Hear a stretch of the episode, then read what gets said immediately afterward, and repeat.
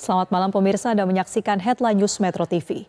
Badan Pengawas Pemilihan Umum Provinsi Maluku menyatakan kunjungan calon wakil presiden Gibran Rakabuming Raka di kota Ambon diduga melanggar aturan.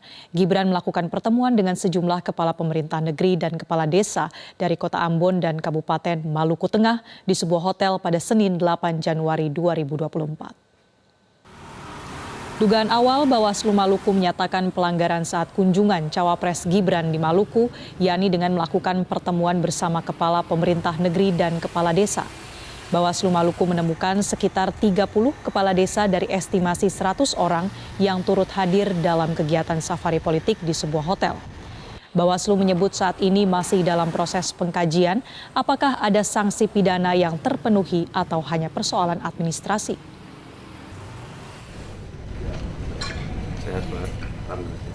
Pada 8 Januari 2024, Cawapres nomor urut 2 Gibran Raka Buming Raka ditemani selebritas sekaligus pendukungnya Raffi Ahmad berkampanye ke Ambon, Maluku.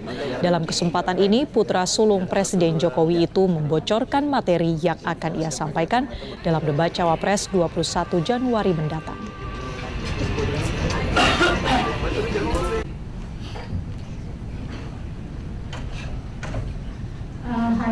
Berkaitan dengan uh, pelibatan dugaan perlibatan kepala desa atau sebutan lain pada saat kegiatan tersebut.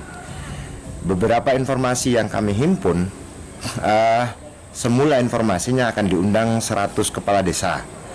Tapi yang hadir di situ berdasarkan data yang kami miliki uh, sekitaran kurang lebih 30 orang yang hadir di situ.